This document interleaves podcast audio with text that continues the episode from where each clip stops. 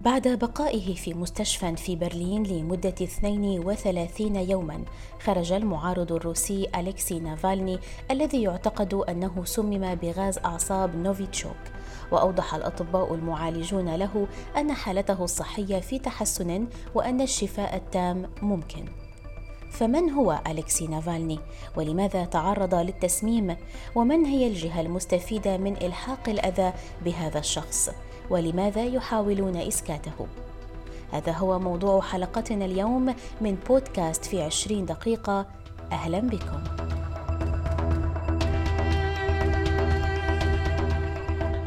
أليكسي نافالني هو ناشط سياسي ومعارض روسي ومحام. تلقى تعليمه في جامعة ييل الأمريكية ويعتبر الخصم السياسي الأكثر قوة للرئيس الروسي فلاديمير بوتين.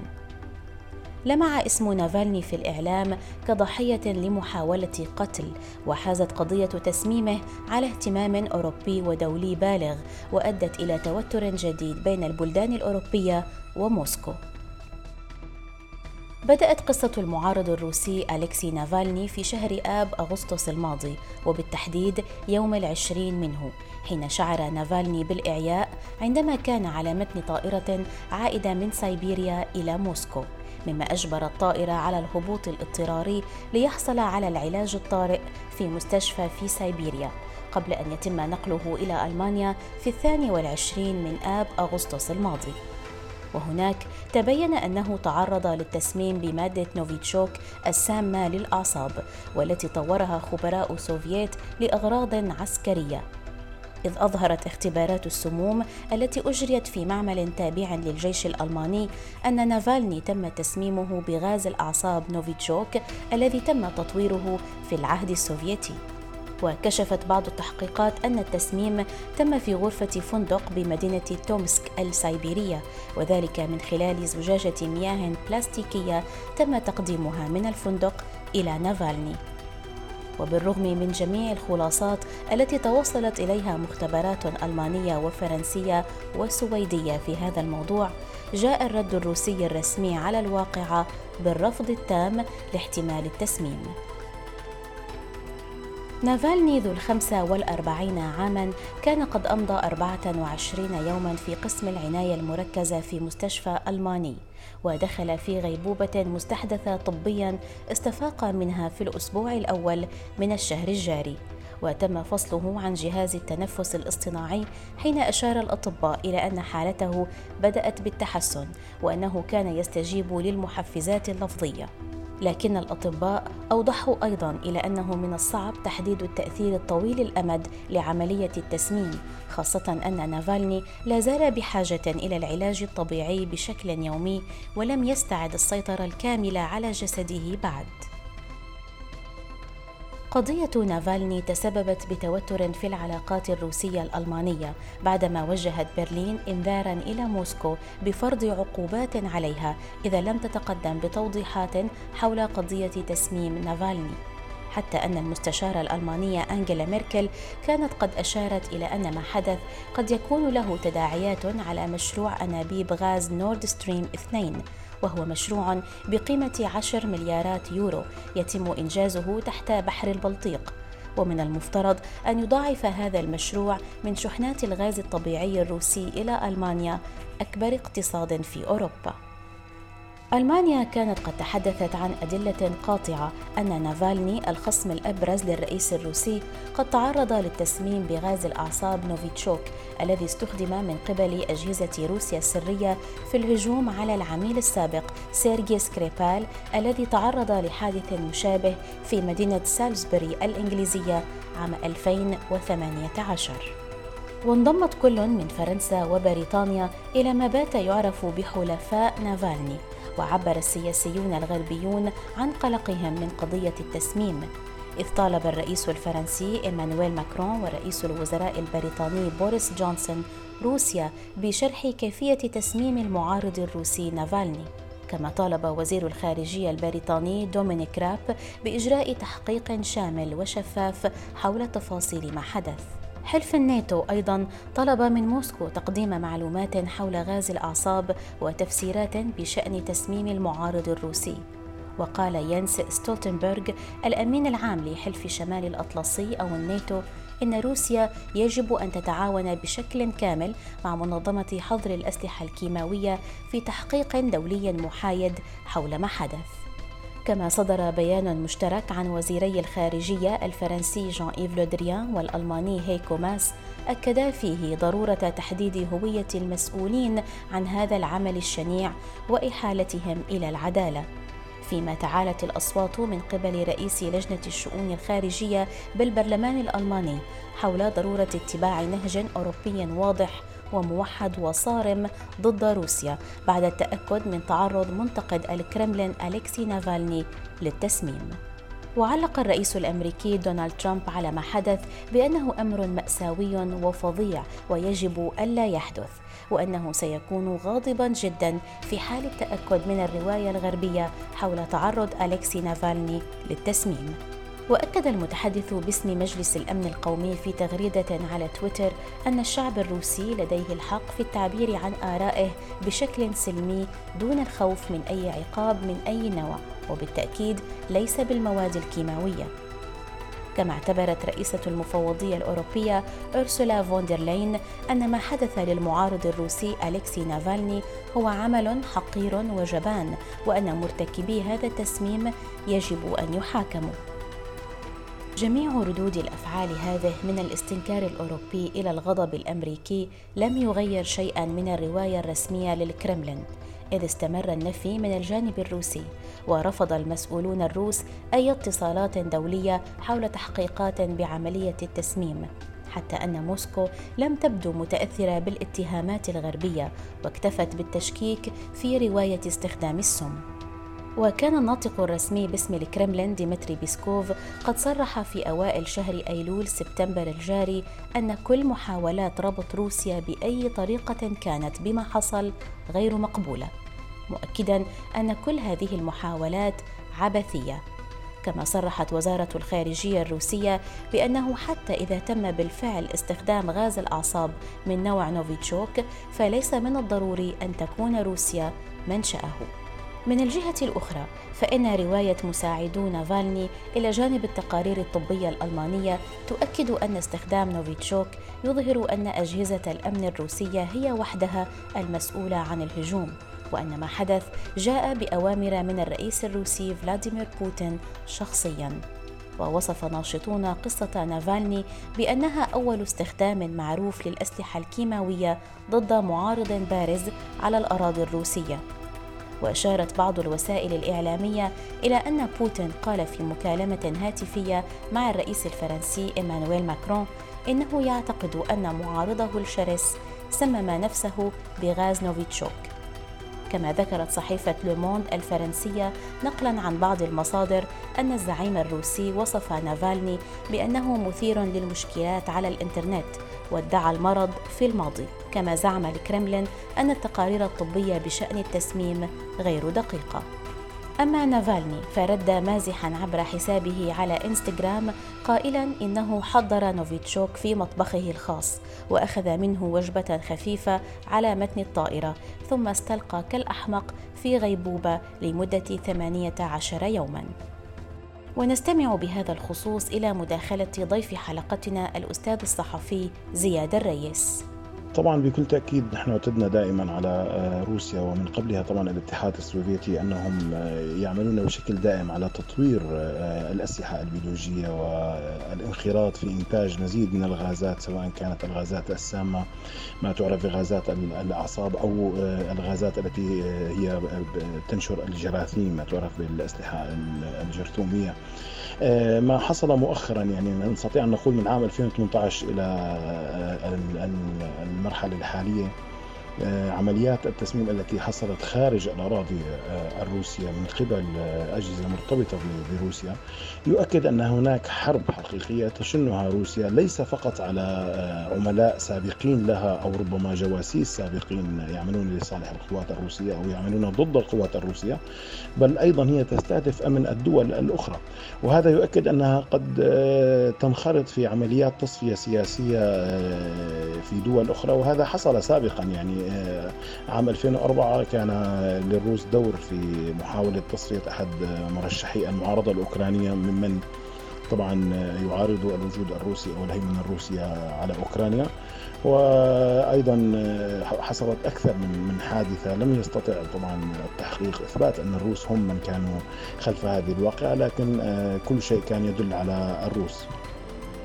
بالتالي نحن الآن أمام تطور جديد في هذه الحرب عدم التزام روسيا بالمعاهدات الدولية التي تدعو إلى وقف إنتاج وتطوير هذه الأسلحة البيولوجية. وهذا يعيدنا إلى ما حصل في سوريا عندما كان لدينا تقارير تؤكد أن استخدام الأسلحة الكيماوية في سوريا كان جزء من التجارب الروسية. يعني حصل هذا تماما نستطيع أن نؤكد ذلك. وكان للروس اهتمام خاص بعمليات التفتيش لتدمير مسارح الجرائم التي حصلت في سوريا سواء كان ما حصل في خان شيخون وما حصل بعده في مدينة دوما مؤخرا عام 2018 عندما استخدم أحد أنواع الأسلحة الكيماوية وأدى إلى وفاة تقريبا 43 شخص بينهم أطفال ونساء وأصيب قرابة 200 شخص وتحاول روسيا لغاية الآن نفي استخدام الكيماوي وساهمت بتدمير مسرح الجريمة وساهمت بإحراق مسرح الجريمة. هذا يؤكد أن الروس كان لهم يد في هذا الأمر والأمر في سوريا يعود أيضا إلى عام 1986 عندما نفذت تجارب في البادية السورية على المعتقلين السياسيين بواسطة أسلحة كيماوية قيل أنها مطورة لدى الاتحاد السوفيتي وبالتالي هي عمليات تجارب. هذا يؤكد أن روسيا لا تزال منخرطة بتطوير هذه الأسلحة ولا تزال اذا هي تخترق كل المعاهدات والاتفاقات الدولية بهذا الخصوص وهذا أمر خطير جدا أعتقد أنه يعني يتوجب على العالم أن يتخذ قرار بشكل جماعي أن يوقف هذا الأمر وأن يضع لروسيا حدود في هذا المجال خاصة أن روسيا لديها تحالف مع أنظمة دكتاتورية تدعو إلى القتل والعنف. نتحدث هنا عن النظام السوري النظام الإيراني وبالتالي قد تكون هذه الأسلحة بمتناول حلفائها وهي حقيقة كذلك وهذا سيؤثر بكل تأكيد على استقرار العالم. ظهر اسم نوفيتشوك آخر مرة في الإعلام عام 2018 عندما تعرض الجاسوس الروسي المنشق سيرجي سكريبال وابنته يوليا لاعتداء في مدينة سالزبري البريطانية في شهر آذار مارس عام 2018 ورقد الأب وابنته مدة طويلة في المستشفى وهما يصارعان الموت إثر هذا الاعتداء. حينها اتهمت الحكومة البريطانية روسيا بالوقوف وراء محاولة قتل سكريبال وابنته. بعد خروج تقارير تؤكد أن السم الذي تعرضا له هو سم يؤثر في الجهاز العصبي ولا يوجد مكان آخر في العالم غير روسيا تنتج هذا النوع من السموم. كما أن الرئيس الروسي فلاديمير بوتين كان قد وصف الجاسوس الروسي المنشق بأنه خائن وحثالة مضيفا أن وسائل الإعلام صورت سكريبال على أنه مدافع عن حقوق الإنسان على الرغم من أنه قد خان بلاده. الرد الأوروبي على محاولة اغتيال سكريبال منذ ما يقرب من سنتين جاء قويا إذ طردت عشرون دولة أكثر من مئة دبلوماسي وجاسوس روسي ما وجه ضربة قوية لشبكات جمع المعلومات الاستخباراتية لصالح موسكو في الغرب. كلمة نوفيتشوك باللغة الروسية تعني الوافد الجديد وتشير إلى مجموعة من غازات الأعصاب المتقدمة التي تم تطويرها في الاتحاد السوفيتي في فترة السبعينيات والثمانينيات من القرن الماضي. وفي التسعينيات وبعد أن كان إنتاجه سريا كشف كيميائي روسي يدعى فيل ميرزايانوف عبر وسائل الإعلام عن وجود سم نوفيتشوك وبعد سجنه تمكن هذا الدكتور الكيميائي من الهرب لاحقا إلى الولايات المتحدة الأمريكية حيث نشر الصيغة الكيميائية لهذا السم في كتابه أسرار الدولة. مؤكدا أنه لم يتصور أن هذا السم سيتم استخدامه في عمليات قتل وتصفية فقد كان الهدف من إنتاجه في الأساس هو استخدامه في ساحة المعركة بواسطة القذائف أو القنابل. ويعتقد أن نوفيتشوك أكثر سمية بخمس إلى ثمان مرات من غاز الأعصاب VX الذي استخدم لتسميم الأخ غير الشقيق لزعيم كوريا الشمالية عام 2017 كما أن نوفيتشوك أكثر خطورة وتعقيدا من غاز السارين وبعض أنواعه يبدأ تأثيرها بشكل سريع جدا في غضون 30 ثانية إلى دقيقتين. أحد أهم خصائص سم نوفيتشوك هي أنه يصعب تحديده وليس هناك دراسات مستفيضة تسهل فهمه مقارنة بغازات الأعصاب الأخرى. ولا توجد بيانات علمية رسمية بشأن مدة بقائه في جسم الإنسان واستمرار تأثيره. وكغيره من غازات الأعصاب يعمل نوفيتشوك على منع وصول الرسائل من الأعصاب إلى العضلات مما يتسبب في انهيار العديد من وظائف الجسم الحيوية. روسيا هي الدولة التي صنعت غاز الأعصاب نوفيتشوك وهي التي اختبرته وحولته إلى سلاح كيماوي. وبالتالي فإنها أتقنت دورة استخدامه بالكامل. وتعود أعمال التطوير الخاصة بغازات الأعصاب إلى الحقبة السوفيتية التي توقفت في عام 1992 وكان سفير روسيا لدى الأمم المتحدة قد أعلن عام 2017 أن المخزونات الحالية من غازات الأعصاب تم تدميرها. إذ أكدت منظمة حظر الأسلحة الكيماوية التدمير الكامل لما يقرب من 40 ألف طن من الأسلحة الكيماوية التي تمتلكها روسيا. كان هذا في شهر أيلول سبتمبر عام 2017 لكن المفارقة تكمن في أن نوفيتشوك لم يتم الإعلان عنه أصلا لمنظمة حظر الأسلحة الكيماوية كما أوضح البروفيسور أليستر هاي من جامعة ليدز في بريطانيا. ويرجع السبب وراء هذا إلى أن المواد الكيماوية الداخلة في تركيب وتطوير نوفيتشوك ليست مدرجة في قائمة المواد الكيماوية المحظورة. سياسة الاغتيال والتصفية التي تتبعها روسيا خاصة خارج أراضيها ليست بالشيء الجديد، ففي عام 2006 تم تسميم ضابط المخابرات السوفيتية السابق والمنشق ألكسندر ليتفينينيكو بالبولونيوم الإشعاعي الذي وضع له في كأس الشاي وتوفي على أثره في إحدى مستشفيات لندن. وخلص تقرير استخباراتي بريطاني حينها إلى أن مقتل الجاسوس الروسي السابق كان بموافقة الرئيس فلاديمير بوتين. وفي ذلك الوقت اعتبر العديد من النشطاء أن عدم وجود رد قوي من الغرب شجع المتشددين في الكرملين على معاقبة أولئك المستهدفين الذين يعتبرون خونة للدولة الروسية في الخارج. لكن اليوم في عصر الفضاءات المفتوحة يبدو أن المشهد برمته قد اختلف خاصة مع وجود وسائل التواصل الاجتماعي التي تمكن من خلالها الناشط أليكسي نافالني من جمع الملايين من المتابعين الشباب في مقاطع الفيديو الشهيرة الخاصة به والتي يفضح فيها الأنشطة الفاسدة التي تقوم بها إدارة بوتين. الأمر الذي خلق لهذا الشخص دائرة واسعة من الأعداء الذين يرغبون في رؤيته بعيدا عن المجال العام. ومع كل هذا فإن فريق نافالني صرح بأن المعارض الروسي ينوي العودة إلى روسيا لاستكمال عمله فيما ينتظر الرأي العام العالمي طريقة رد الحكومات الغربية على الاستخدام الأخير هذا لسم الأعصاب نوفيتشوك ضد شخصية سياسية عامة. وكيف من الممكن أن يؤثر ما حصل على عمل المنظمة الدولية لحظر الأسلحة الكيماوية وهي الجهة الرقابية المسؤولة عن الأسلحة الكيماوية عالميا. كانت هذه حلقة اليوم من بودكاست في عشرين دقيقة تحدثنا فيها عن قضية تسميم المعارض الروسي البارز أليكسي نافالني وعن ردود الأفعال الدولية التي وجهت أصابع الاتهام للدولة الروسية. كما قدمنا لكم مستمعينا بعض المعلومات حول غاز نوفيتشوك هذا السلاح الكيماوي القاتل. شكرا جزيلا لكم على الاستماع إلينا ونلتقي في حلقة جديدة على راديو الآن. إلى اللقاء.